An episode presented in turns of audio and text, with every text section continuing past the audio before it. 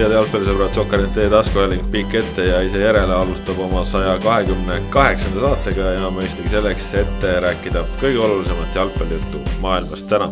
täna räägime premium-liigast, räägime eurosarjadest ja räägime sellest, kuidas on välismaal ka vankrid uuesti veerema lükatud.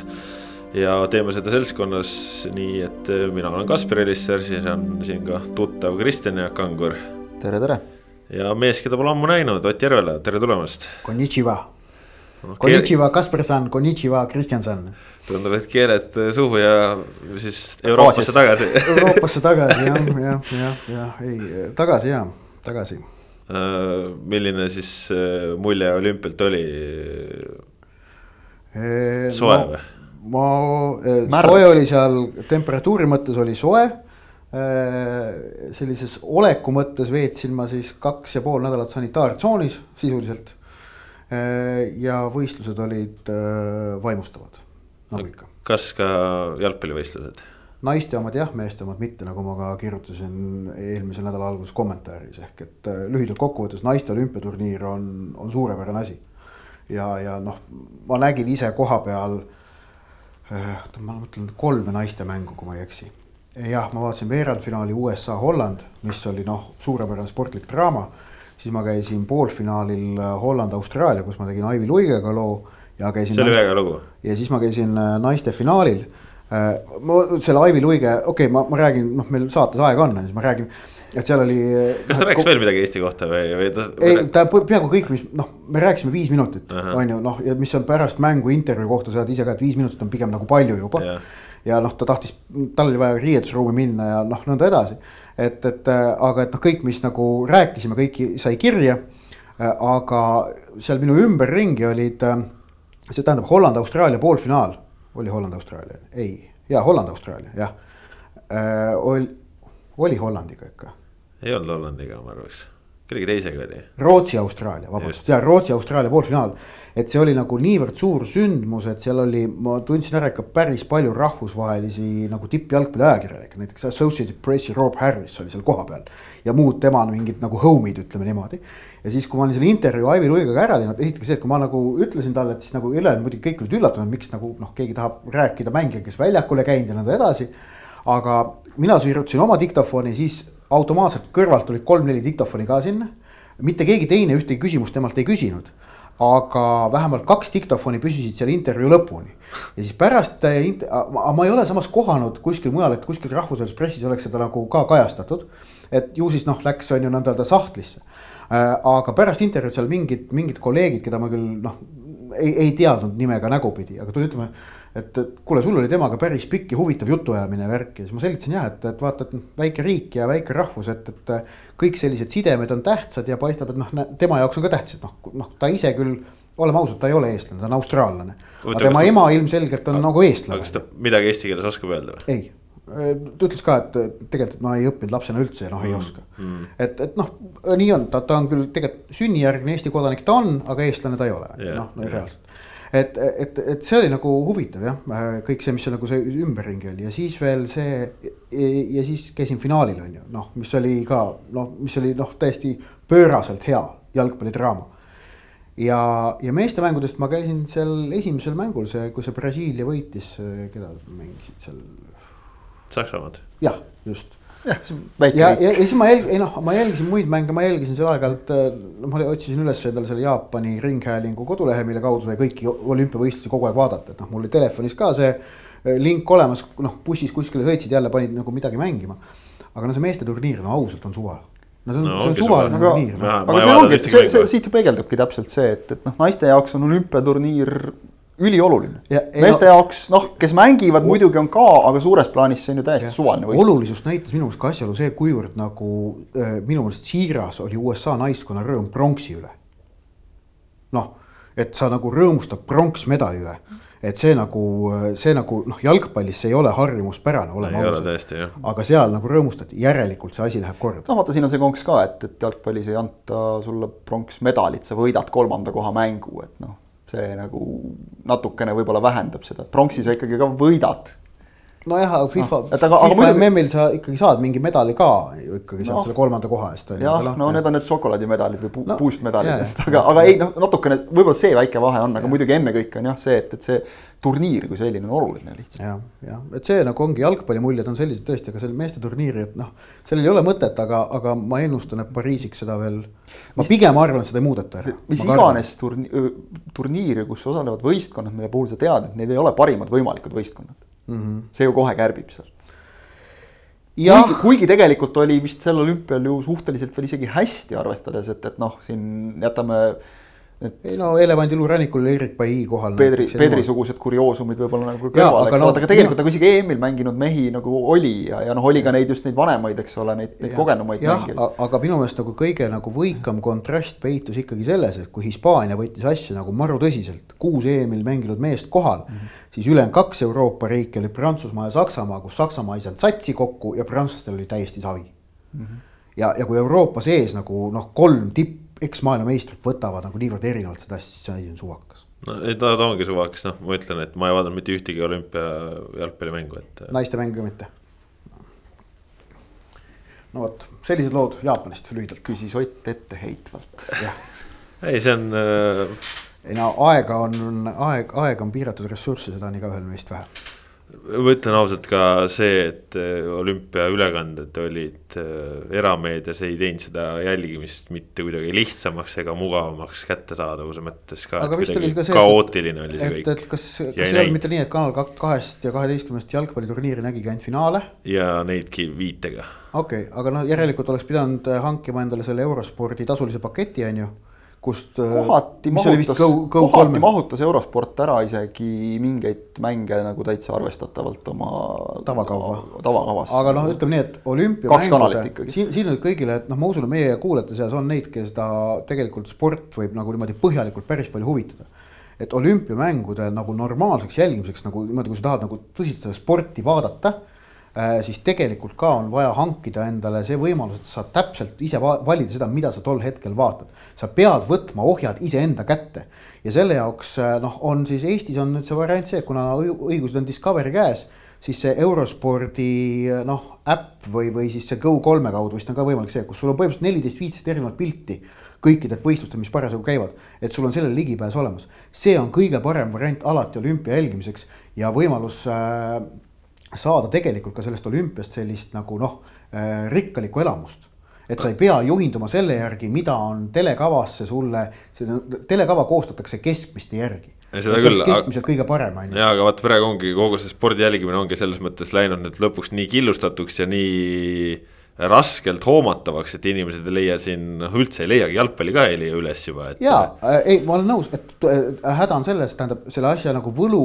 ja valu äh,, valu on siis selles, et tõesti on killustatud Äh, võlu on aga selles, et inimene, kes haarab initsiatiivi ja võtab iseenda eest vastutuse, jõuab lõpuks soovitud tulemuseni. sul on see võimalus. just, just ja. kunagi seda ei olnud. jah, seda küll jah. praegu on nagu see hea asi. et legaal, legaalselt. ma ise loodan, et see jõu-, me, me oleme teel sinna ka jalgpallis on ju. Noh, äh, mina ja Kaspar oleme Viaplay'ga seotud, äh, et me noh, Viaplay kaudu näiteks on noh nii palju, kui mina tean, on võimalik vaadata siis kõiki mänge, aga Eesti, mida, mida, millele selle kanali õigused on, aga eestikeelse kommentaariga ainult osasid.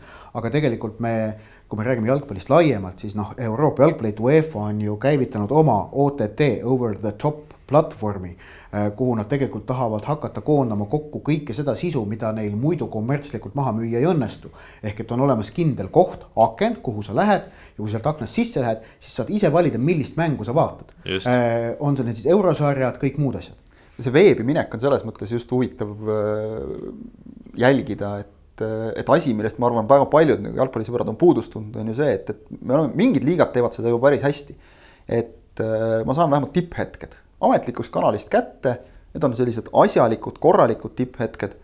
aga noh, ennekõike Inglismaa on alati peljanud kõike, mis sisaldab endas sõna internet, see on nende jaoks natukene selline mingi liiga uus asi veel, et ei tea, ootame natuke. et see, see on lihtsalt noh, tegelikult seal on asi on selles, et, et seal on asjad niivõrd telepõhiselt üles ehitatud ja aastakümneid toiminud aga, aga kasvõi ütleme näiteks otsige meistrite liiga tipphetki ja noh, legaalselt saada kuskilt üliraske saada, et kui UEFA suudab nagu selle ära tabada või noh, mulle tundub, et hakkavad mõistma vaikselt.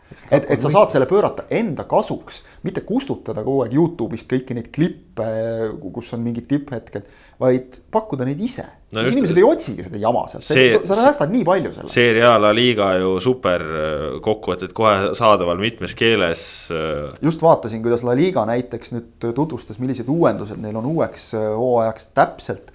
Rõhk on sellel et sa saad rohkem valida, mitte mängu valida, see on juba elementaarne täiesti. sa saad ise valida, ütleme, esimene näide, mis mul pähe tuleb, vormel üks on see, kus sa saad valida täpselt seda, kas sa tahad üldpilti, võid vaadata terve sõidu ära ühe, ühe sõitja kaamerast bokse, mida iganes, ise valid, mida sa tahad, saad vahetada neid sõidu ajal mm, -hmm. kõike seda. sa saad mitut korraga ka ekraani peal hoida põhimõtteliselt. täiesti vabalt ja, ja, ja, ja oli nüüd just La Ligal oli näide, et, et kuna laiülekannet tehakse, oli vist neli kaamerat ma ei tea, kas kõikidest mängudest, osadest kindlasti. neli, neli kaamerat, sa saad ise valida ja vahetada, millise nurga alt sa tahad seda mängu vaadata. loomulikult see on nüüd praegu on ta veel seal noh, mingitele nendele oma, oma telejaamadele ainult pakutav, eks ole, nende vaatajatele, aga, aga vaikselt tuleb see ja noh, nad on kogu aeg nagu just selle elamuse osas juurde pannud, ilmselt kes vaatavad La Ligat, on märganud nüüd vähemalt mõnda aastat on juba nüüd olnud, eelmisel aastal vist tuldi see. mis ta nüüd on, on ta nüüd kaheksa K juba või, või no ühesõnaga see, kus sul on tõesti tunne, et sa oled nagu väljakul no, mängu selle, sees. selle jah, selle kinoobjektiiviga seal tuldi jah eelmisel aastal, mis, mis nüüd hiljem tuli ka juba meistrite liigasse, et ongi, et väljaku ääres sellise nurga alt jah, et sa nagu noh, oleksid see seal. tekitab selle jah, sees olemise tunde, neil on, nad on väga hästi arendanud välja oma selle noh, selle kolm, kolmemõõtmelise pildi olukordade kordustest, et me ei pea siin vedama kuskil mingit neid jooni mm ekraani peal kuidagi. et sa näed seda, mis, mis, mis pilt avanes lööjale siis, kui ta selle pealelöögi sooritas. täpselt, ja, aga, ja kõik see, see, et, et noh, seal, seal nagu nii palju tuleb juba juurde, et, et selles plaanis La Liga läheb nagu minu meelest väga võimsate sammudega. ja kui me nüüd proovime kogu seda juttu, mis me oleme siin äh, jalgpalli podcast'i sissejuhatuseks rääkinud, mingi viisteist minutit või? kaksteist alles. kaksteist no,, äh, üldistada suures plaanis, siis äh, tegelikult me liigume siis sinnapoole, kus äh, spordiülekanded ja jalgpall on selle spordi sees kahtlemata noh, veduriks. Kuigi ma ütlen, et esimese sammu on ära astunud, nagu enamasti maailma spordis kombeks on, Ameerika jalgpalli, Ameerika profiliiga eesotsas NFL-iga. et me liigume sinna suunas, kus tõesti vaatajal on ise valikuvabadus läheb selgelt vaatajale, talle hakatakse andma kõik võimalused talle kätte ehk et ma isiklikult arvan, et see on ikkagi mõne aasta küsimus, kui on võimalik ka Eestis osta endale selline asi nagu Premier League'i pass Äh, ja et sa lähed mööda teenusepakkujatest, okei okay,, Viaplay vist võttis mingi viieks aastaks need asjad küll endale ära, siis järgmisest hooajast. Aga no pärast seda võiks juba olla kahe, kahe tuhande kahekümnendate lõpuks võiks olla see aeg käes, kus sa ostad endale Premier League'i passi otse Premier League'i käest nagu ma ostan praegu NFL-i käest endale vaatamisõiguse. NBA-d, eks ole, paljud vaatavad selle kaudu. Äh, äh, ja, ja ma vaatan seda, mida ma tahan sealt, kus ma tahan, kus ma tahan. ja sel moel, nagu ma tahan ja muudel spordialadel juhtuvad samasugused asjad tegelikult muidugi see su kirjeldatud Viaplay noh, on juba nagu väga lähedal sellele ka, et sa saad tõesti nagu sa ütlesid no, ise valida, eks ole, lähem all. teda nagu. telekas ei ole, see on paratamatult lihtsalt ju. jah, aga noh, ütleme tänapäeval nagu rääkida asjadest, mida telekas ei ole. noh, veel vara veel on vara, aga ütleme, et sinnapoole ju ta nagu liigub ka, et noh, saata oma kas mobiilsest seadmest ükskõik millisest. Eestimaine jalgpall on vägagi seal. ei ole nagu väga keeruline, ütleme, et, et noh tegelikult juba, ta, ta on, ütleme sellisele tädi Maali tüüpi tavakasutajale, ta on veel nagu üle mõistuse, aga noh, ta tuleb peale vaikselt. ta tuleb vaikselt peale just sellisele, nagu sa ütlesid, huvilisele, kes on valmis natukene vaeva nägema, kuidas ma asja kätte saan. et see, seal juba me ei saa, me ei saa rääkida umbes, et meile... aga telekas seda asja ei ole, ei, sa lihtsalt lased ta teleekraanile, kas ta tuleb sul sinu mobiili kaudu sinna või ta tuleb sul äh, katuseantenniga, eks ole, see, see on juba noh. katuseantenni värk lõpeb niikuinii ära. no ma ütlen, see lõpebki ära, noh, ütlen, see on nagu see eelmine põlvkond, eks ole, või katuseantenniga, kaabliga, mobiilist üle võrgu kuidagi, see, see on juba nagu öeldakse, et jelatehnik, et, et noh, see, see pole enam oluline. üks meile kõigile tuntud jalgpallijuht on, on mitmel korral äh, erinevates vestlusringides käinud välja siis sellise noh ma ei ütleks teooria või mõtte või, või sellise nagu noh, sedastuse, et lineaartelevisioon veel püsib Euroopas, vanas Euroopas väga palju üldse eh, spordi otseülekannet, eelkõige jalgpalli otseülekannete peal. et, et ja et, et see on nagu natukene Euroopa jalgpalli otsustada, kas lineaartelevisioon seni tuntud kujul üldse jääb püsima või mitte ehm, noh, et kui jalgpall seni on tegelikult otsustanud pigem seda teha, et jalgpall siiamaani ju Euroopas eriti ikkagi äh, taotleb teletulusid, siis, siis, siis on näha, no näiteks sama, mida teeb mul meelest vist La Liga juba natukene sihib sinnapoole. noh, Premier League pole veel julgenud, aga ma pakun, et see võib olla siis nagu nende, ütleme teiste liigade, kes Premier League'ist tahavad äh, rinnale jõuda või midagi. variant on nende variant, nende variant äh, seda Premier League edumaad vähendada ongi see, et minna ennem totaalselt internetti ja, ja Kusjuures... tulla välja teleõiguste turust ja hakata ennast otse müüma, kas, kas keegi julgeb millalgi seda teha. ja seal on see, vaata selle õige hetke äratabamises on tegelikult võtmeasi, et millal on õige hetk minna ja, ja noh, minna pank on ju. praegu ilmselt on vara mm, -hmm. aga millalgi on jällegi liiga hilja, et millal see hetk ära tabada praegu on natukene see oht, et sinust noh, lähed liiga vara ja sinust saab nii-öelda see minidisk. jah, ehk et asi, mis tundus tol hetkel väga äge, aga, aga enam väga ei ole. E, isegi näed, Premier League, kui ma õigesti mäletan, siis kas minu meelest eelmisel aastal mõnda mängu prooviti näidata nii, et kujutad ette, see ei olnudki telekas, vaid see oli kuskil platvormil, et noh, nad, nad on aru saanud vähemalt nagu sellest, et oot-oot-oot, me peame ka sellele tähelepanu pöörama. Nad tõrguvad veel täiesti selgelt, sest noh, traditsioonid ja kõik see nüüd ju mängitakse jälle tavapärastel aegadel, tead, et kell viis on see see aeg, kus, kus käiakse, eks ole, ja sellel ajal neid mänge ei näidata teles, et rahvas ikka läheks staadionile, okei okay,, praegu ilmselt ei ole sellega probleemi nagu meelitada, aga üldiselt ikkagi. ja, ja see, et äh, match of the day on sel kellaajal BBC-s ja nii edasi. aga see, ütleme, on muutumas selgelt nii on, läheme nüüd äh, siit äh, kodumaiste jalgpallijuttude juurde ja. sujuv üleminek ja selles mõttes ongi ta sujuv, et kodumaine jalgpall meil peamiselt ongi internetis äh, Sokkernet tv vahendusel, nii et äh, selles mõttes äh, kõik tõesti sujuv, aga. ja veel sujuvam on see, et ütleme, et vooru nädalavahetuse suurimat üllatust sai ka Sokkerneti vahendusel jälgida, ühesõnaga Tallinna FC Flora, kes siis teisipäeval, möödunud teisipäeval mängis Euroopa liiga kolmandat eelringi ja mängis seda kodusel A Le Coq Arena'l Küprose meistri Omoniaga ja alistas nad kaks-üks, siis penaltiseeria järel langesid ikkagi välja, seal olid äh, Marko Luka ja Sten Reinkord eksijateks äh, ja, ja sai Euroopa liiga teekond sestap läbi.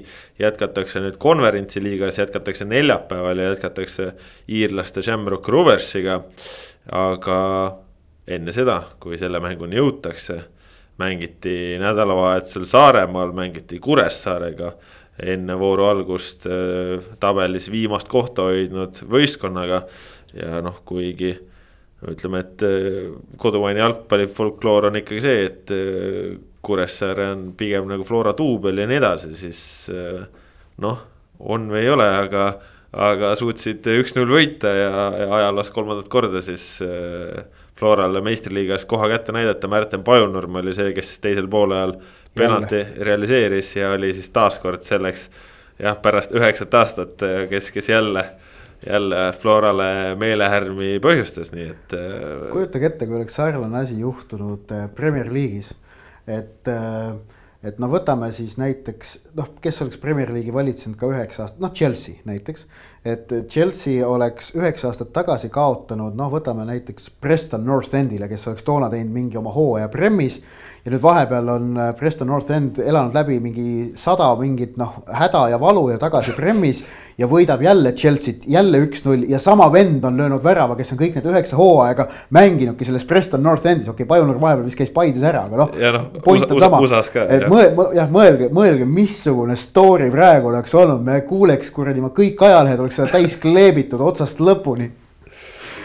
aga jah, äh, Eesti, Eesti mõistis ikka vahva lugu ei no vägev lugu, aga Flora jaoks. Äh, kas on siis, ma küsisin Jürgen Ennilt ka, et on see europohmeel või mis, mis, mis teie arvate, on see selline klassikaline europohmeel, sest Flora ei olnud kaotanud äh, Premium liigas kolmkümmend neli mängu järjest, viimati Viljandi tulevikule, see oli eelmisel aastal ja.... selle kohta ütles ju Henn tegelikult väga hästi, et noh, mida pikemaks sellised seeriad lähevad, seda tõenäolisem nagu on, et nad läbi saavad. seda küll, aga et ta et jälle, jälle noh, Flora eelmise aasta ainus kaotus tuligi tulevikule ja. ka euromängude vahel no.. see on klassikaline tööõnnetus ja euromängude keskel selliste tööõnnetuste tõenäosus ilmselgelt on suurem see on noh, tegelikult no, see, see kõik... tuleneb juba ju sellest, kui sa vaatad nagu selle Kuressaare mängu koosseisu noh, et, et noh, juhtub noh.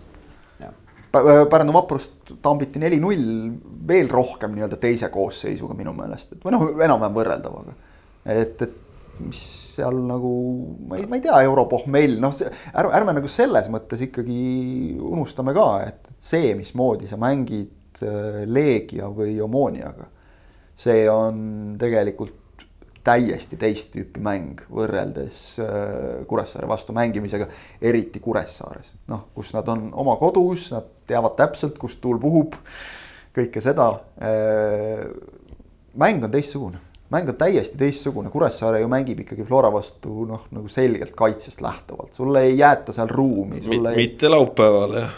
no ütleme, kaitsest lähtuvalt mängimine no, ei tähenda seda, et, et sa betoneerid ja istud oma poole peal, ma ei pea seda silmas, aga noh, sa oled teises rollis. sa oled kasvõi juba selles mõttes teises rollis, et sina pead. noh, pettumus oli, oli väga suur ja valus. seda tõesti oli näha nagu mängijate pealt noh, noh, see läks nagu tugevalt hinge. see, see teisipäevane lüüasaamine. kindlasti ei olnud see jalgades. Teisipäev ja laupäev, et noh. neli päeva vahet jah. neli päeva vahet seal profijalgpallur taastub ära, mida me muidu siin Euroopa liigasse või konverentsi liigasse alagruppi tükime, kui. kui mängida ei jõua kaks mängu nädalas, eks ole, see ei ole nagu kindlasti mingisugune argument, seda enam, et polnud üldse nagu sama, sama koosseis ka, eks ole aga.... nojah, samas jälle, jälle teistpidi võtta on ju teisipäeval paned sada kakskümmend minti seal krampidega kukud välja.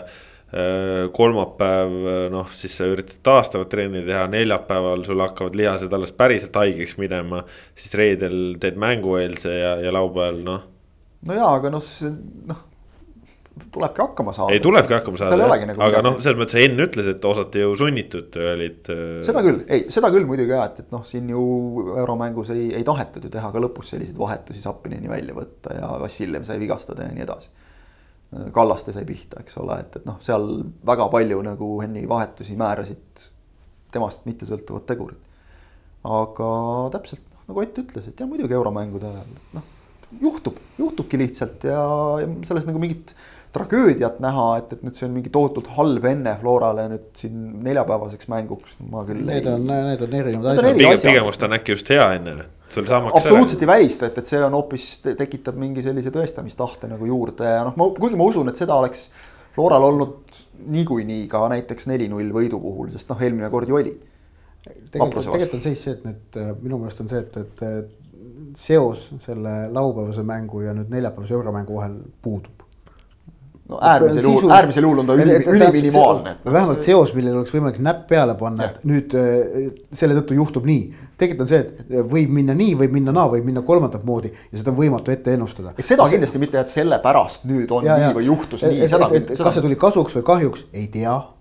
ainuke vastus ongi, ei tea pigem on, pigem on niipidi, et kas see laupäevane kaotus tulenes väga selgelt äh, Omooni mängust, kus Jällegi, e emotsionaalselt äh, väga valus löök. Ja, ja emotsionaalselt, emotsionaalselt ta mõjutaski aga... noh, sest ütleme, et Flora seni ei ole ju omale selliseid eksimusi lubanud, nad on veatult mänginud aga nagu suur, suures plaanis, nad on tulemused, tulemused ära võtnud, nad on Flora, seesama Flora on Kuressaaret loputanud viimasest viiest mängust neljal korral neli-null. ei, tõsi, teooria number üks, emotsionaalne seos Omonia mänguga teooria number kaks, äh, premium-liiga tõepoolest ongi piisavalt tugevnenud, et kui ka liidervõistkond, äh, Flora ei ole liider, vabandust, aga noh. valitsev meister, valitsev meister roteerib väga palju koosseisu ja on võõrsil keerulistes ilmaoludes, siis nad kaotavadki või tähendab, nad võivadki kaotada vahest, on ju. noh, seda on ka varem olnud, aga, aga noh, ütleme noh, tegelikult tuleb meelde, Levadia sai mingil aastal ka keset suve mingisuguse ootamatut, ootamatut ala tulevikult. oligi euromängud järele. jah, et, et, et, et see on nagu teooria number kaks, teooria number kolm on lihtsalt see tavapärane, et, et Kuressaarel oli väga-väga hea päev ja Floral väga-väga halb päev ja mingeid muid faktoreid sinna juurde ei olegi vaja kleepida, on ju, ja noh, tegelikult neid teooriaid on veel, jah et sellised asjad jalgpallis juhtuvad. Eesti liigas on seda juhtunud äh, äh pigem vähe aga mida sagedamini seda juhtub, seda parem ja päev hiljem Paide viik vaprusega näitas meile taas, et, et seda võib juhtuda Eesti kõrgliigas nüüd ootamatult sageli, mis on kokkuvõttes ju ainult väga-väga-väga hea, hea.. ja just tahtsin öelda, et täpselt seesama, see Paide viik vaprusega ju näitab, et noh, neil ei olnud mingit euromängu ei, ei selja taga ega tulemas, et, et noh, juhtubki selliseid asju lihtsalt teinekord. samamoodi, vaprusel oli hea päev, Paidel osutus olema kehv päev, mis iganes põhjustel sealt nüüd nagu tõmmatakse, ole selgeid paralleele, et vot sellepärast. aga kas, mis sa arvad, äkki oligi sellepärast, et Flora kaotas punkte, Paide nägi, et meil on okei okay,, meil on nüüd, kuule, vaprus, me saame nüüd teiseks. ja siis ei saanudki. vabalt võib-olla jah, aga see hästi lihtne kokkuvõte, täpselt see on jalgpall. me, me oleme Eestis sellega vähe harjunud, aga, aga mujal on see väga lihtne, et kui mis iganes põhjusel tabeli ülemise poole võistkond ei suuda ei suuda mängida oma mängu, nagu tunnistati, et hakati lihtsalt pikki palle karistusalasse peksma, see ei ole Flora mäng, eks ole, see on Kuressaare mäng pigem.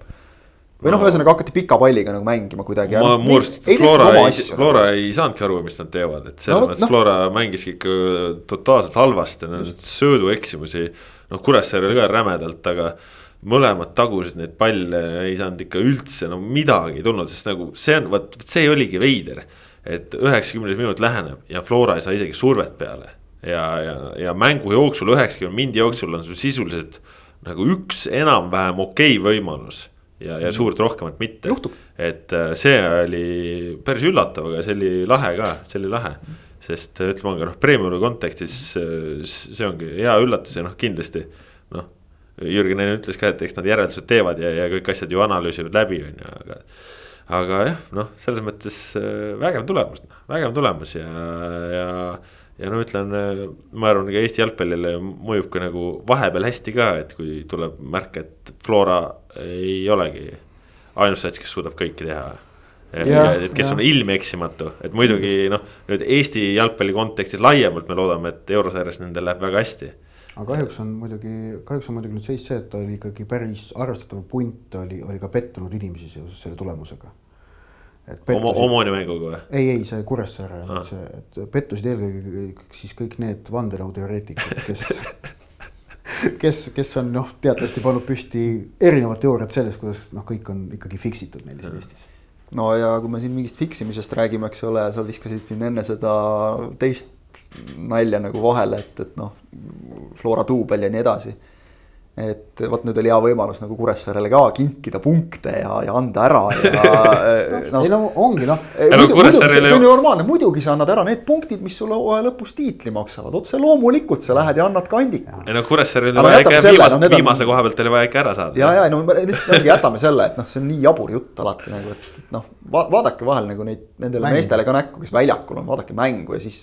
tulge siis nagu rääkima või minge rääkige neile nagu seda mingit äraandmise juttu ja vaatame, mis mis sealt siis vastu tuleb, et, et kas seda julgust ka nagu. see, see on nii piinlik alati kuulata emo,. emotsioonid olid ehedad, kui lõpuvile kõlas, et see ongi, et noh.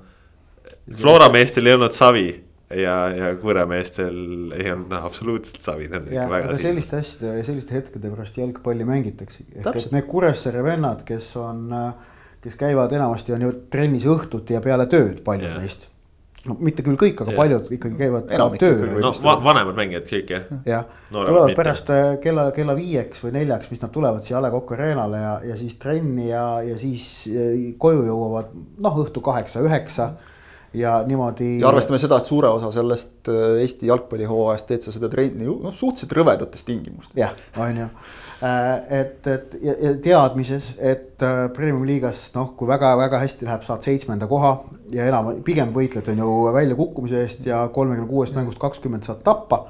Et äh, suurepärane hooaja lõpp on see, kus ei pea mängima üleminekumänge Kuressaare jaoks. just. Ja, ja, ja siis, et miks sa seda kõike teed, vot siis selliste hetkede pärast teedki. jah ja mul tunne, et need vennad nagu on rõõmuga nõus seda tegema, tähendab, noh, ma kujutan ette. otsige, otsige üles, äh, silm peale võttis kunagi just selle teema või küsisin otse nagu Rauno Tutki käest, et äh, mis motiveerib. mees, kes on mänginud eluaeg tabeli teise poole võistkondades. ma täiesti ilmselgelt parafraseerin, aga täpselt ei mäleta, aga minu meelest ta vastas naeratuse saatel lihtsalt, sest jalgpall meeldib. ja ongi kõik vot see on selliste meeste nagu palgapäev, et see käib nende vapruste kohta.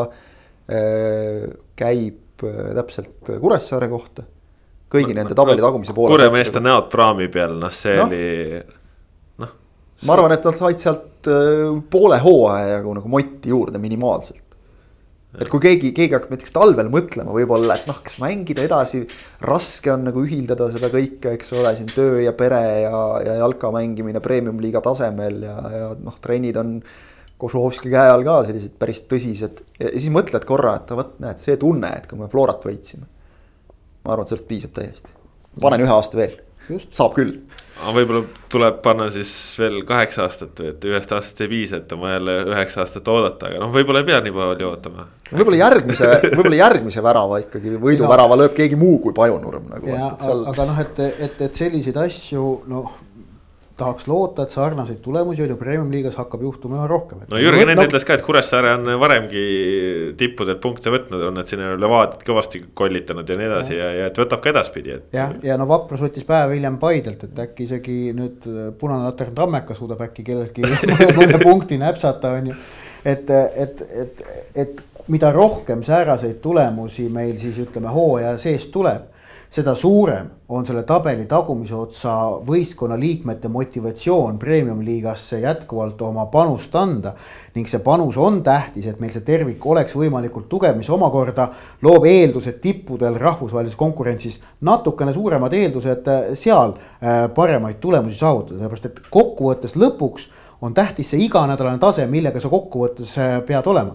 et see, et see, et see miinimumnivoo, kus sa ei tohi ennast allapoole lubada, oleks võimalikult äh, kõrge ja mida rohkem on kogemust nendes alumise otsa satsides äh, et, et seal tõesti on lisaks nooruslikule sees ka seda liiga kogemust, noh nagu on Kuressaares Pajujärvel, mis ta on peale kahesaja premium-liiga mängu on ju.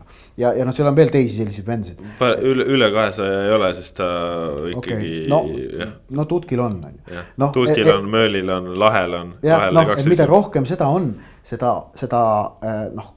Pajujärv oli vahepeal neli hooaega oli ikkagi Ameerikas see vend. noh, seda kõvemad need satsid on. kusjuures see töötab ju mitte ainult äh, selles konkreetses mängus vaid see mõju on pikem, kui nüüd Flora läheb ükskõik kellega tabeli tagumisest otsast järgmisi mänge mängima.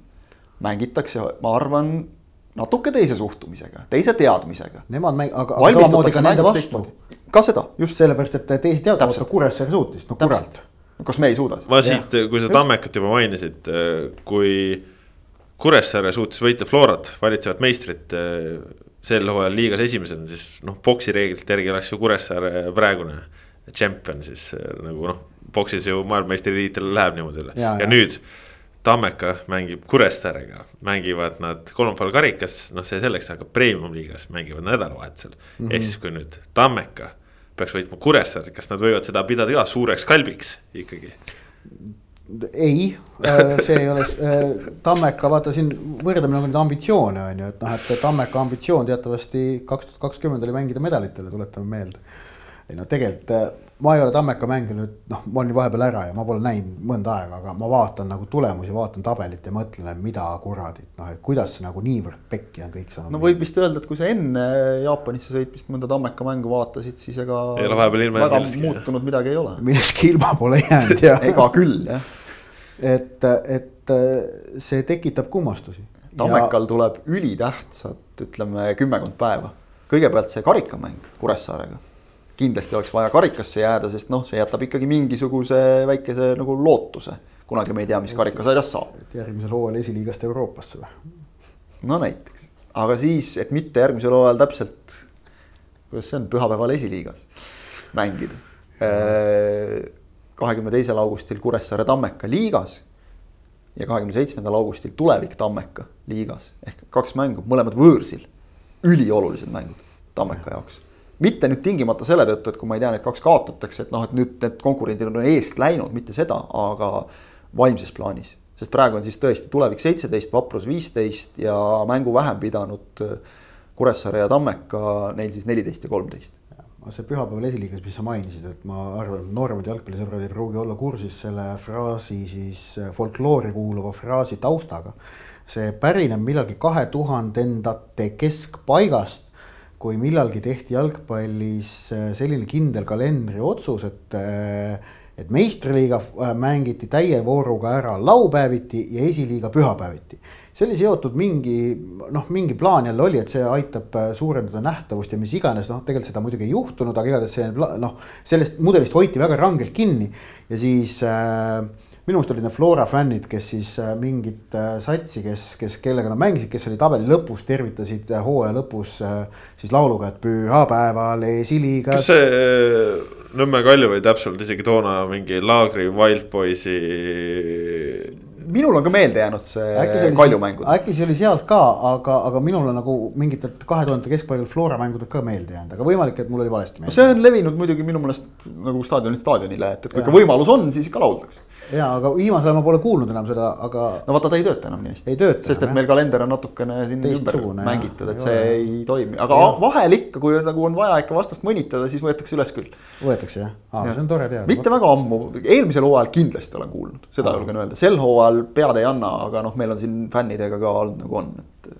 Pole staadionile saanud. ka eelmisel hooajal muidugi on olnud nagu aga, aga Paide, natukene nagu tõrgub et noh. no vapruse... tõrgub, seal ei ole mitte nagu enam liive ja liivaterad ei ole selles masinas, vaid ikka ragiseb väga mehiselt, et noh, vapr-, ütleme vapruse vastu päästeti viik.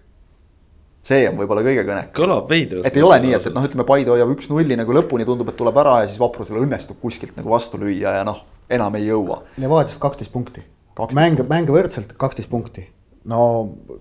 palju võitu. palju jah no,, kuus oleks okei okay ma ei tea, ma, ma julgeks nagu ikkagi öelda, et, et noh, võib-olla veel mitte lauset, et tiitel on läinud.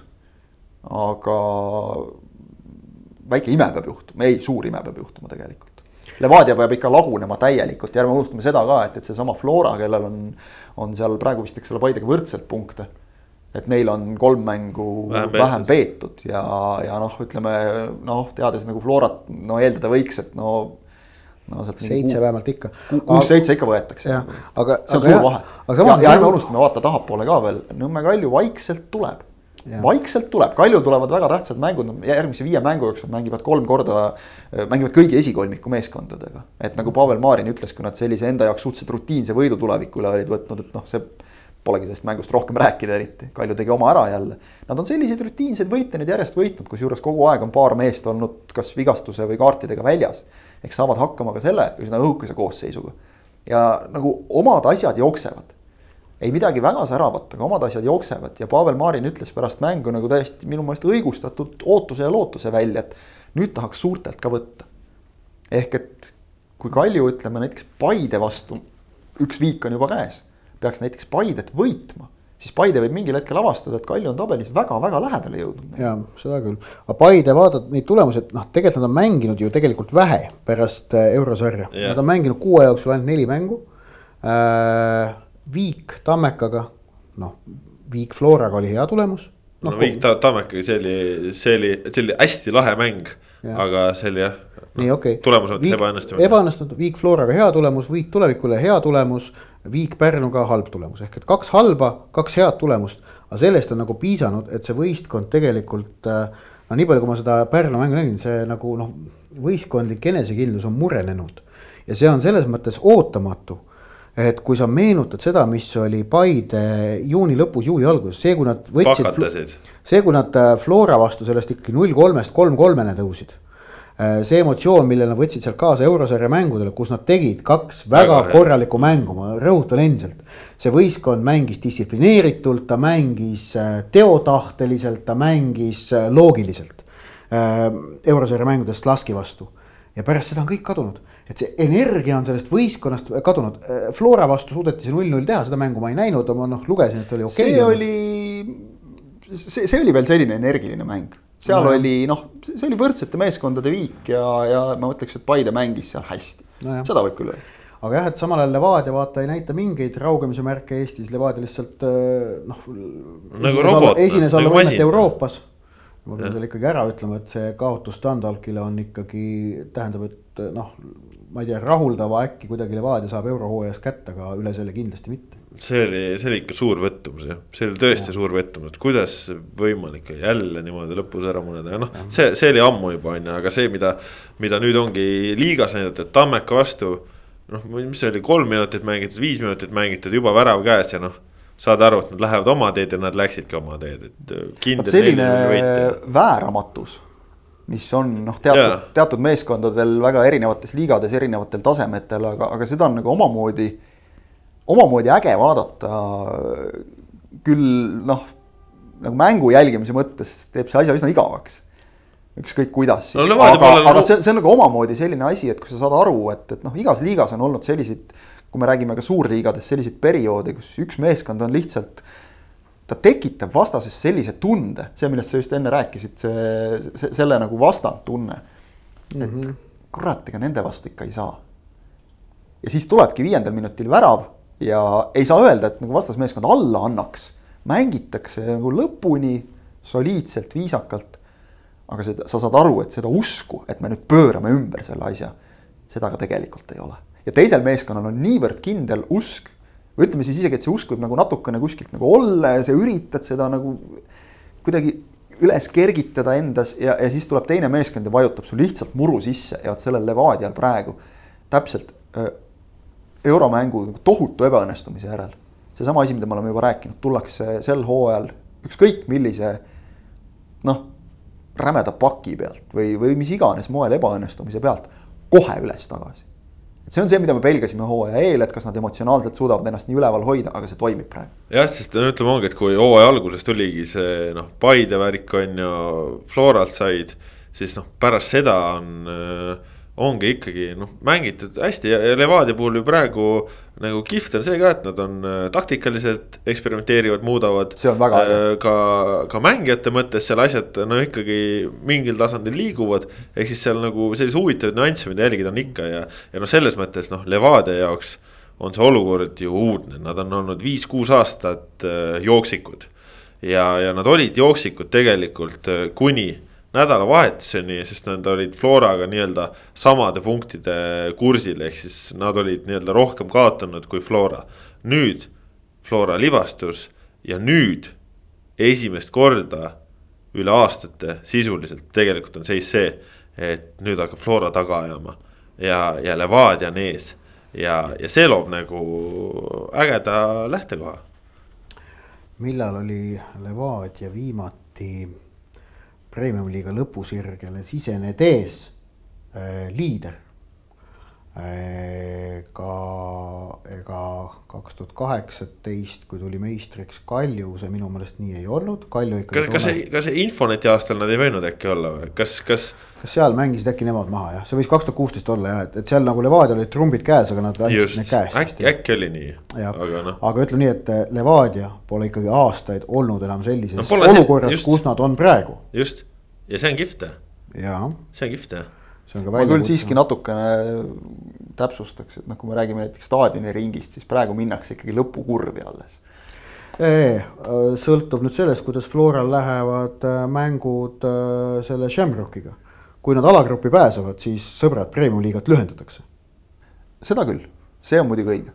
see on, see on tegelikult see kevadel ju läbi lillede, jalgpalliliit ütles selle ühes pressiteates ka välja. No see ei ole realistlik lihtsalt, mängida. aga, aga seis on selline, et kui Flora jõuab alagruppi, siis ei ole või ükskõik milline muu teine Eesti klubi oleks jõudnud, teistel on see muidugi ülikeeruline. et Flora meistrina, et siis on võimatu, et me mängime kolmkümmend kuus vooru premium-liigat. see on muidugi õige jah. ma praegu nüüd enam isegi peast neid kalendriasju ei mäleta, aga ma oleks isegi arvamusel, et see äkki ei ole võimatu. no see vist ikkagi on võimatu. okei okay., no siis on võimatu. no arvuta veel kuus mängu juurde sinna, sinna sügisesse, koondise pausid tuleb arvesse võtta. ei no Ja seal ja de detsember on see märksõna. aga vaata äh, äh, võlu, võlu ja valu on selles, et eurosari lõpebki detsembris. Ja, ja. et sul nagu eurosarja mängitakse ka detsembris. nii ei saa, et mängime eurosarja ära ja siis jah, jah seda ei jõua. ja ma, jah, ma peast ei mäleta, võis olla küll. ja Floral on praegugi juba kolm mängu järele. ütleme siis nii, et on sellega nagu tegelikult otsustega, kuidas on, aga Flora noh, see, see kolmekümne kuue voorulisest on tunduks pidamata üheksateist mängu. pluss äh, nii, võta, võtame Flora mängu Ei,. va- okei. üheksateist liigamängu, kaheksa euromängu juurde on kakskümmend seitse mängu ja äkki veel midagi karikat juurde, need on need mängud, mida Flora peaks pidama enne detsembri lõppu, see ei ole sõbrad võimalik. seal, seal lihtsalt ei ole neid kuupäevi ja, jah ja, ja noh, kui, kui nagu see juhtub ja Flora alagruppi jõuab äh,, siis äh, noh, ja premium-liigat lühendatakse, ma eeldan, minnakse sama mudeli peale, mis eelmine aasta oli, et see esimene nelik omavahel, tagumine nelik omavahel, viies-kuues omavahel. et siis äh,, siis noh hea uudis on see Levadia jaoks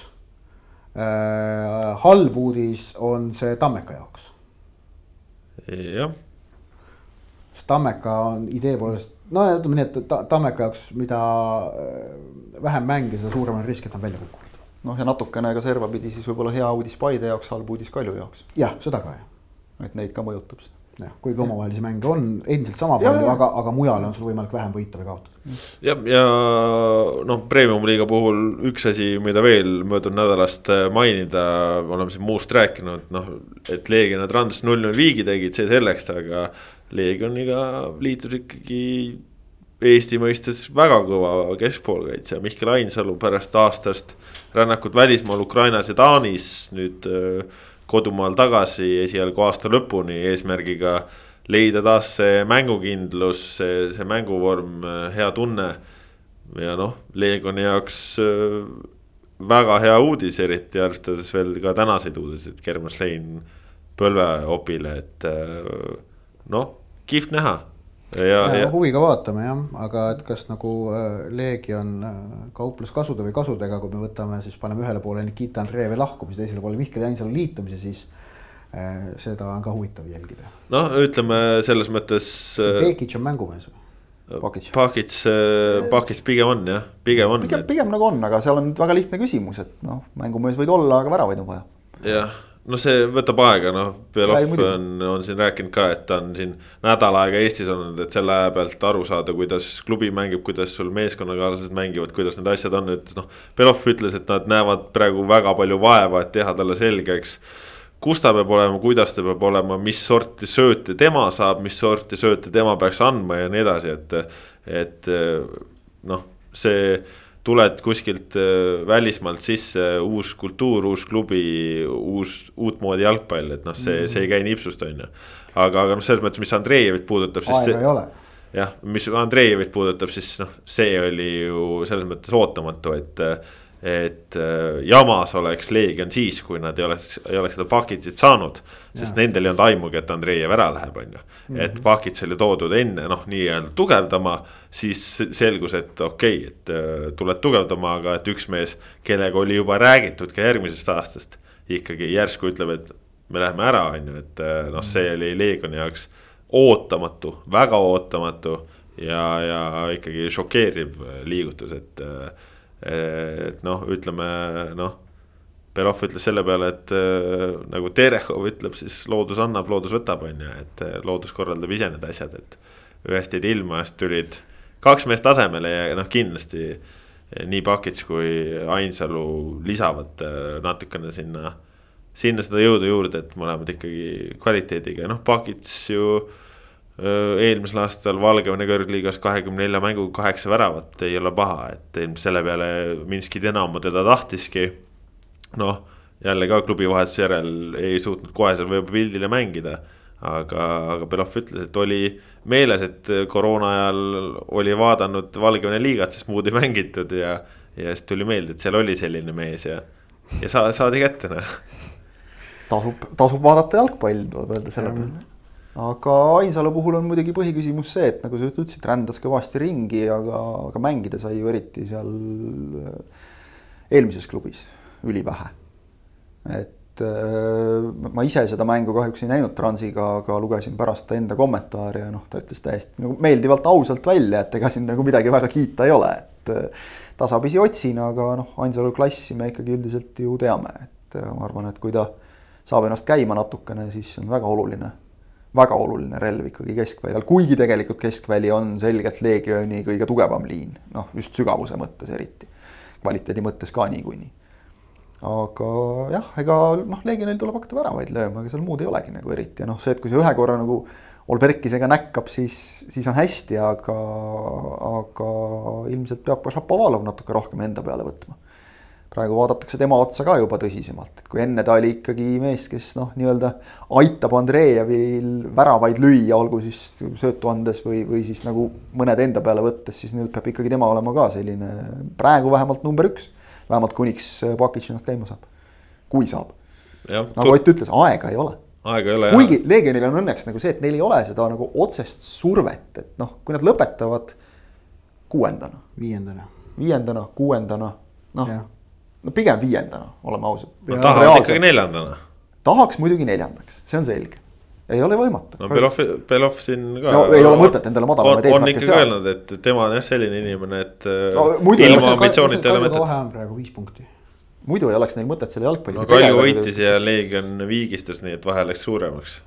muidu ei oleks mõtet ju selle jalgpalliga tegeleda ka, kui ütled, et jaa, ei viies koht käib küll, et noh, vaadates nagu eelmist hooaega ka ja, ja mis, mis mehed mängivad ja ja palju on, palju on nagu noh, ikkagi ka investeeritud, seitse on praegu jah mm,, nii et, et see on, see on suur vahe ja ütleme just sellised transiga mängud, noh, need tuleb pöörata enda kasuks, aga ütleme, et kui nad isegi jäävad viiendaks, noh, see ei ole mingi katastroof. aga noh, on ka omavahelisi mänge veel Kaljuga, mis aitavad. siin saab mängida küll. ideaalis maha võtta. see, see viie, viies koht ei oleks midagi hullu nende jaoks ka, et selles mõttes nagu sellist pinget ei ole, et noh, me, me peame tingimata saama euro kohale või, noh, vähemalt nagu selle lootuse säilitama kolmanda kohaga nagu noh no,, oleme ausad, on Kaljul näiteks.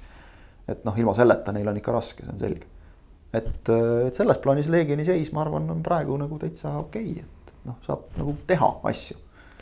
jah, noh, saame näha, igatahes Premium-liiga jah, siin põnevalt end üles kruttinud ja, ja, ja läheb, läheb ka põnevalt edasi.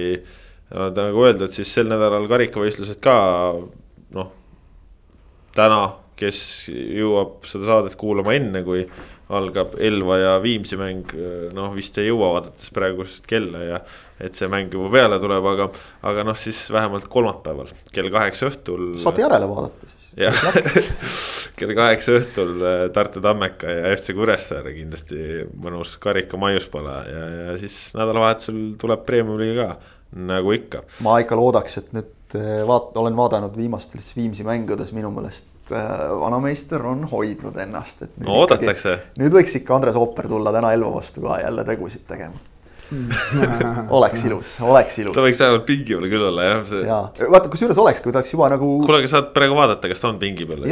et äkki. täpselt, on paras hetk, et äkki me teeme muidu siin nagu jah, sellist halba või vale, vale reklaami. aga, aga selles mõttes reklaami võib teha ka sellele, et äh, noh eurosarjades ei mängi nüüd sel nädalal ainult mitte Flora meeskond, vaid ka naiskond ja ja Kintra leedukatega kolmapäeval lahing, loodame sealgi, et, et Flora suudab äh, näidata ka Euroopas korralikku taset, noh. nädalavahetusel võrdlemisi ootamatu tulemus koduses liigas, Saku Sporting lõpetas nende ka pikale veninud seeria, kus ei olnud kaotatud, Saku näitas neile koha kätte, nii et selles mõttes äh, mõlemad Florad lähevad ikkagi üllatuskaotuste pealt äh, Euroopasse Elvalt ei oota mitte midagi lihtsat täna ees. Viimsil on pingi peal tagasi esiteks Robin Kane, kes käis Itaalias ennast näitamas kõrgel tasemel. ja siis number nelikümmend Andres Ooper no,. täitsa, täitsa olemas. ma arvan, et eks ta seal sellepärast ongi, et lihtsalt Elva ka teaks, et eh, meil võib pekkis ajab, olla eh, ajab vibra sisse, vaata, see on ka väga oluline oskus nagu jalgpallis saadad lihtsalt vahepeal ooperi sooja tegema korraks, kujutad ette, kuidas Elva meestel hakkab jalg värisema selle peale okei okay,, jah, nüüd teie teate tulemust juba ka ilmselt, et võib-olla, võib-olla ei lähe seekord nii, aga vot jälle, see on äge, et on sellised asjad ka võimalikud. just, nagu aga. ringis Viimsi tõestas aga, aga suures ringis on igast asju võimalikud ja, ja välismaal läksid siis ka mõned tippliigad käima Inglismaal. noh, Manchester United, kes siin tegi ikkagi kõvasid tõmbeid üleminekuturul näitas ennast uuest valgusest, aga võib-olla ka uuest valgusest näitas end äh, Maksim Baskotši kodulugu Tottenham, kes äh, virutas ikkagi Manchester City'le ära, nii et.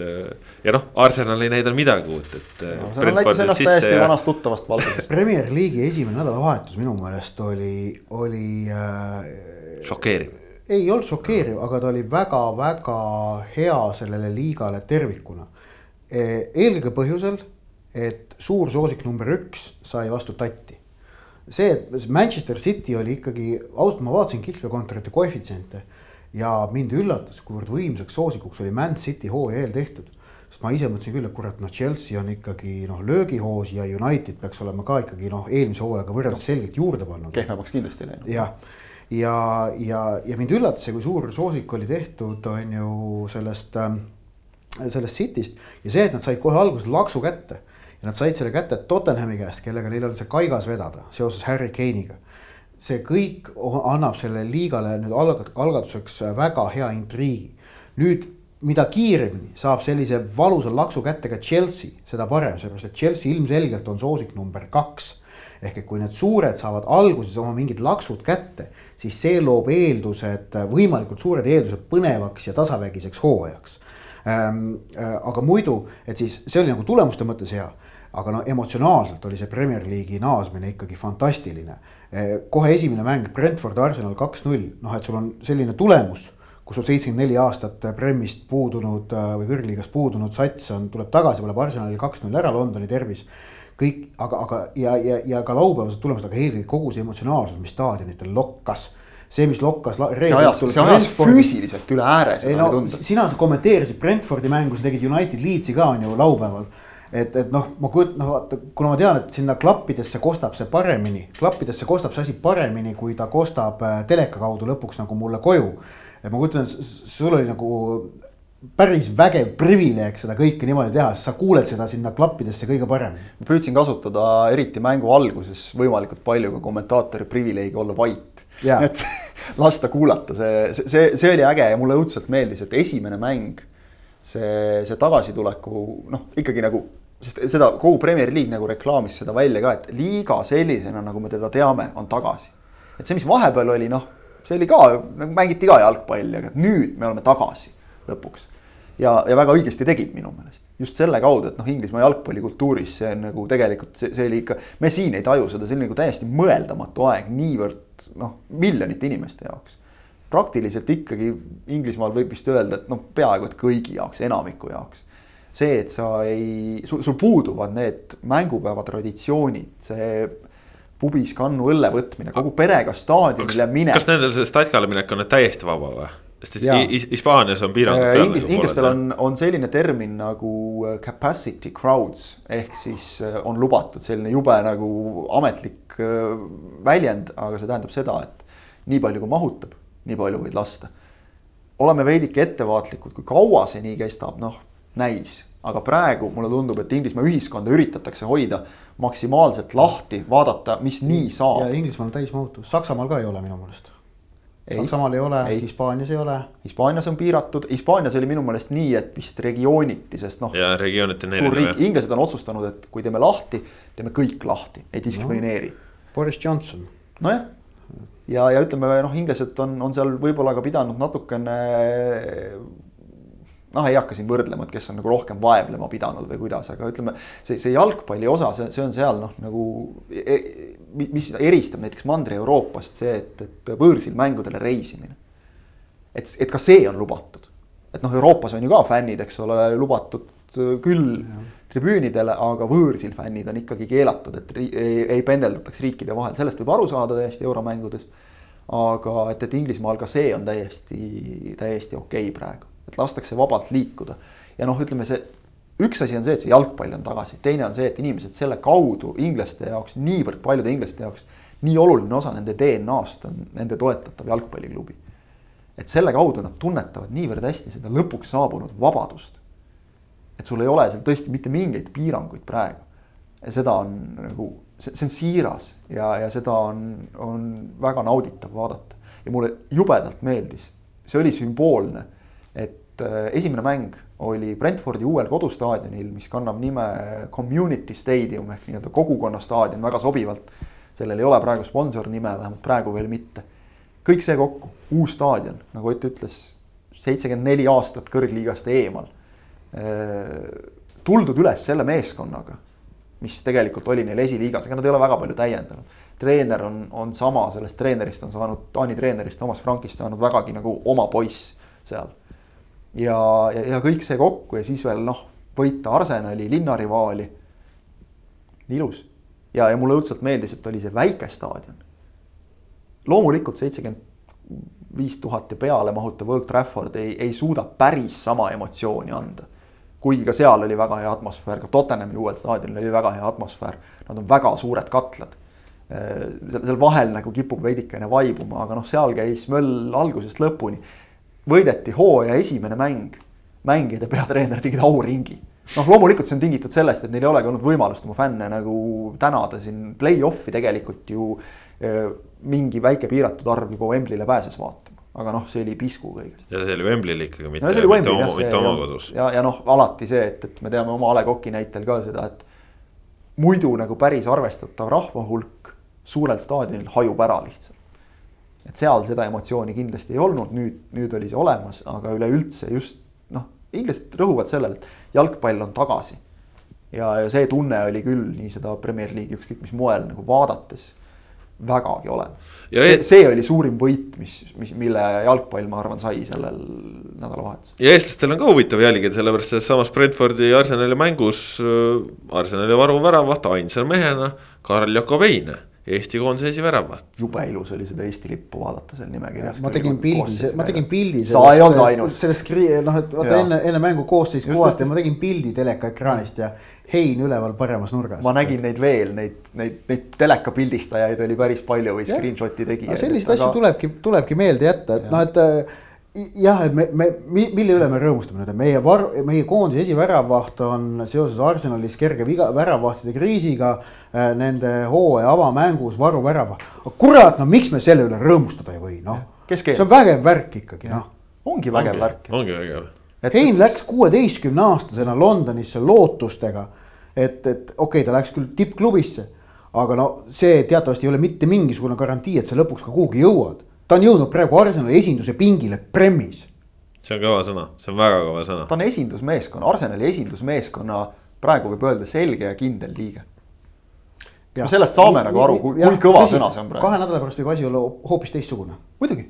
jah, ta võib aga olla selleks hetkeks seal mitte Arsenali mängija ja, ja kõik muid asju võib juhtuda, aga praegu on nii. jah ja täpselt, et võib, võib juhtuda kõiki asju, miks me võiks praegu selle üle rõõmustada või rõõmustada selle üle, et Maksim Baskotši on üles antud Tottenhami. see on ka väga kõva asi. Tottenhami eurosarja koosseisust talle anti number talle, talle anti Premier League'is anti talle number ja konverentsliiga pandi koosseisu, ehk siis noh me hakkame juba rääkima. Maksim... lõhnab selle järgi, et saab minutid kätte see hooaeg. kui vaada, vaadake korraks. räägime võtke... Maksim Baskotšist kui ikkagi ka esinduse piiril olevast mängijast. võtke UEFA lehelt, võtke UEFA lehelt ette see üles antud nimekiri, vaadake, Search'iga saab väga hästi need noh, nagu. Search'iga ma ütleks seda, et Search, Search Aurieri ei ole, aga. seal on, tähendab see. aga Baskotši on. aga, aga vaadake, vaadake kaitsjate nimesid lihtsalt ja siis seal on Baskotši ka. kaks noort on seal. Carter Vickers oli vist teine ja Baskotši Tottenhami, Tottenhami eelmisel hooajal, vaata Murillo päris äh, Euroopas kasutas päris laia koosseisu ja Murillo roteeris palju ma ei ole nüüd uurinud seda, mida tegi Nuno Espirin-. Espirito Santo. Espirito Santo ta, ta... oma Wolverhamptoni sel hooajal, kui nad mängisid eurosarja. võin öelda sulle, võin öelda sulle, kasutab, ta, ta on üldiselt peatreener, kes kasutab nagu suhteliselt väikest koosseisu, seda hinnatavam see on. aga kas ta nagu toona, kas ta Euroopas tegi teisiti või mitte, vot ma ei, ma ei mäleta, ma ei ole kontrollinud, aga ilmselt selle pealt saab natukene. Woolsil ei olnud väga sügavat koosseisu ja selle tõttu neil tekitaski see probleeme ka veidike, et noh, ei olnudki ja, nagu ja. väga seal vahetada, aga ma arvan, et ta on sellest õppinud no,. tal on Tottenhamis natukene teised vahendid. Eestis kõik leiame, et äh, Santo oleks äh, pidanud õppima. oleks pidanud sellest väga selgelt õppima, tegema väga konkreetsed järeldused Loomulik. ja langetama Maksim Baskotši suhtes õiglased, karmid, kuid sinimustvalged otsused täpselt, aga, aga mulle tundub kusjuures, et kõik no. märgid nagu viitavad sellele, et täpselt nii ta ongi teinud et, et lõhnab selle järele, et kuskil mingid minutid tulevad. naljavenda sa ei mängita hooajaeelsetes mängudes nii palju nagu Baskotši sai mängida. ja ta sai ju kiita, ta mängis ju hästi seal. pluss ta on ikkagi võrdlemisi selles mõttes noh, nagu hea mängija treeneri jaoks, et eh, noh. Orietsa näiteks nagu keskkaitsesse väga ei, noh, ta saab seal hakkama, aga nagu väga ei pane, Baskotši on mänginud keskkaitses mänginud, äärekaitses. ja, ja, ja vend varem pole ju äärekaitses midagi teinud, ehk siis see on tema jaoks täiesti uus roll olnud ja ta on seal Vaat, nii hästi sulandunud, aga ongi, ta on kiire, ta on hea jalaga ja, ja. ma ei kujuta ette, kui palju sul tänapäeval nagu lubatakse suurklubi akadeemias nagu olla selline kaitse, kes mängib nagu väga selgelt ühte kindlat positsiooni et ma arvan, et teda on natukene seal ikkagi jah, mängudes ta on olnud keskkaitse, aga küll teda on seal ka nagu koolitatud natukene, et sa pead olema. kasvõi kui me vaatame, kui palju vahetatakse mängu käigus näiteks asetust kolmese liini pealt neljase peale või vastupidi. sa pead olema võimeline lihtsalt seal ümber lülitama või, või noh, mis on äärekaitsja roll. kui palju peab keskkaitsja näiteks kasvõi äärekaitse positsiooni lappima, kui ta tõuseb, mis iganes, et, et noh, sa ei saa tänapäeva jalgpallis olla, vaadake kasvõi noh võib-olla hea näide on Märten Kuusk ka, eks ole, vaadake tema kehakuju näiteks, et noh, enam, enam ei ole keskkaitsja ei ole Karol Mets näiteks, eks keskkaitsja ei saa olla enam selline noh, natukene hirmus kõvasti taklav ja, ja hästi kõrgele hüppav ja hästi jõuline kaks korda kaks meetrit kapp, et, et noh, Baskotši on oma kehakujult ja sinna ilmselt tuleb musklit juurde veel, arvestades, et ta on noor. selline moodsa kaitsja tüüpi mängija ja ma arvan, et, et kui vaadata noh, Spursi teisi kaitsjaid, noh näiteks Erik Taierit või, või Davinson Sanchez't. No nad saavad äärekaitses mängitud muidugi, aga, aga see ei ole ilmselgelt neile nagu kõige mugavam positsioon, Baskotšile võiks olla. ehk et tema võimalused meeskonna sees tundub kõrvalt vaadates selle võrra on avaramad jah, see on äh, hea, et ta seal hooaja eel end heast küljest näitas ja ja on ta ju tegelikult end heast küljest näidanud ka koondise eest ja, ja kõik need kogemused, mis ta on ka sinisest särgist saanud, ma arvan, väga palju kasuks tulnud, et äh, noh. Heina jaoks on võib-olla olulisem see, et ta tõesti kas ka müüdaks kuskile või tehtaks temaga ikkagi mingi uus leping, milles, mis talle endale sobib, saadetakse ta laenule. sest noh, värava. ja no lepingut ei ole ju tehtud põhjusel, et äh, no, Heinale ei sobinud see. talle ei sobinud täpselt, aga et kui nüüd noh, pakutakse midagi paremat võib-olla, eks ole, ja, ja, ja laenuga, siis ei, ei ole ju kuskil nagu veel ka maha hõigatud, et ta kindlasti lahkub vaevalt, et Arsenal tahab teda järgmisel aastal nagu tasuta minema lasta no,. Jääb, jääb üks aken jääb praegu. Heinal äh, muideks on äh, uus agent ka. no vot. agent on sama, mis Arsenali peatreeneril. Pole paha. et äh, jah. Pole paha. vaatame jälgime ja loodame, et ka Mikel Artetal jagub äh, sarnasest. no Mikel Arteta on jõudnud oma suure juhi ja õpetaja ehk Peep Guardiolaga Inglismaa liigatabelis ikkagi praegu punktide poolest samale pulgale, nii et äh, ei ole õpilane õpetajast kehvem, parem ka ei ole, aga tähendab, sa praegu hirmutasid ära kõik meie Arsenalist, Arsenali fännidest kuulajad oma selle irooniaga. Man City kallal võis ilkuda, siis seal meil ainult kaks kuulajat, üks on Siim Juks ja keegi teine on veel, on ju noh.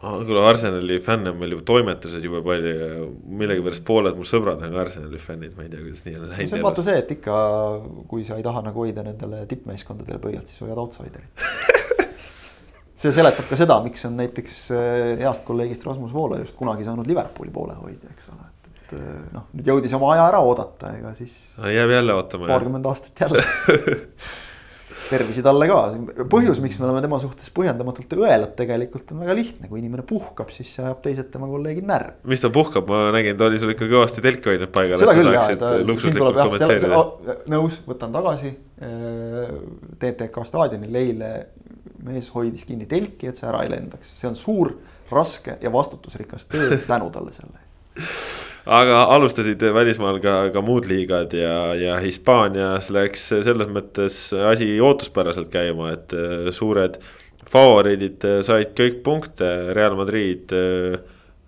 oli seal Carlo Ancelotti debüütmängus esimesel poolel mitte nüüd liiga veenev, aga teisel poolel tegi mängu küll ja, ja kes muu tegi mängu Karim Benzema.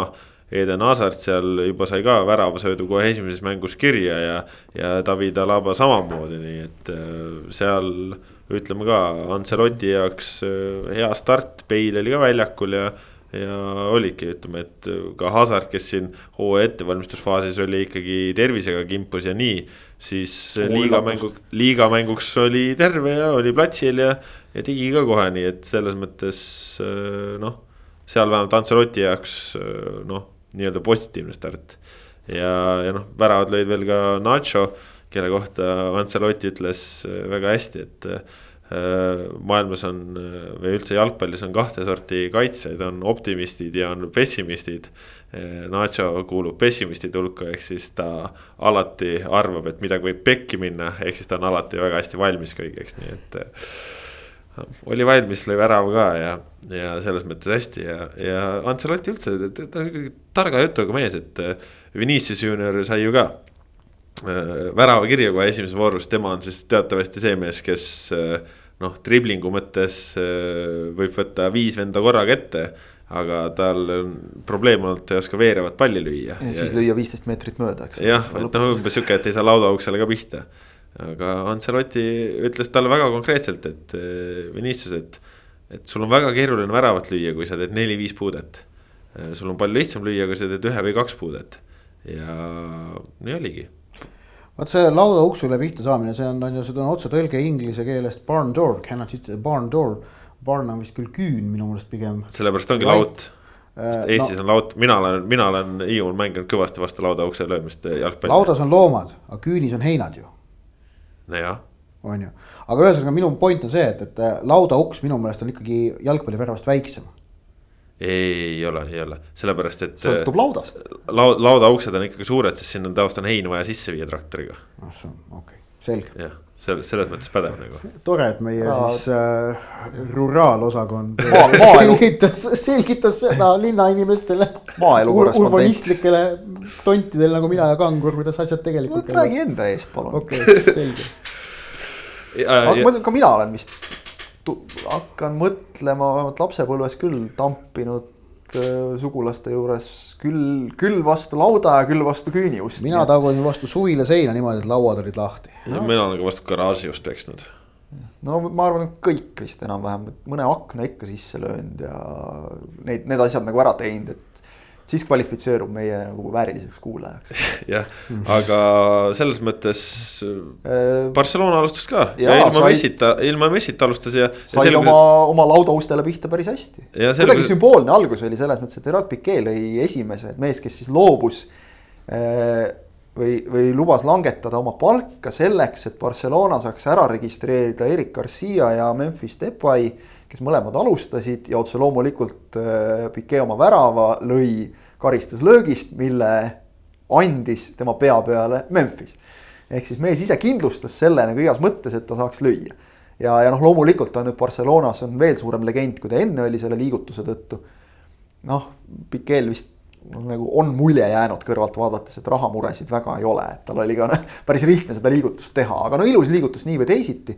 eks ta saab tagantjärgi selle raha kätte ka, ma arvan. saab muidugi, see ei ole üldse küsimus, aga noh, kas tal seda nüüd tingimata väga vaja ongi, see omaette teema. kulub ikka ära. ei no jah. kas Shakira on tal endiselt veel kaasakene või? peaks nagu olema jah. Shakira, Shakira.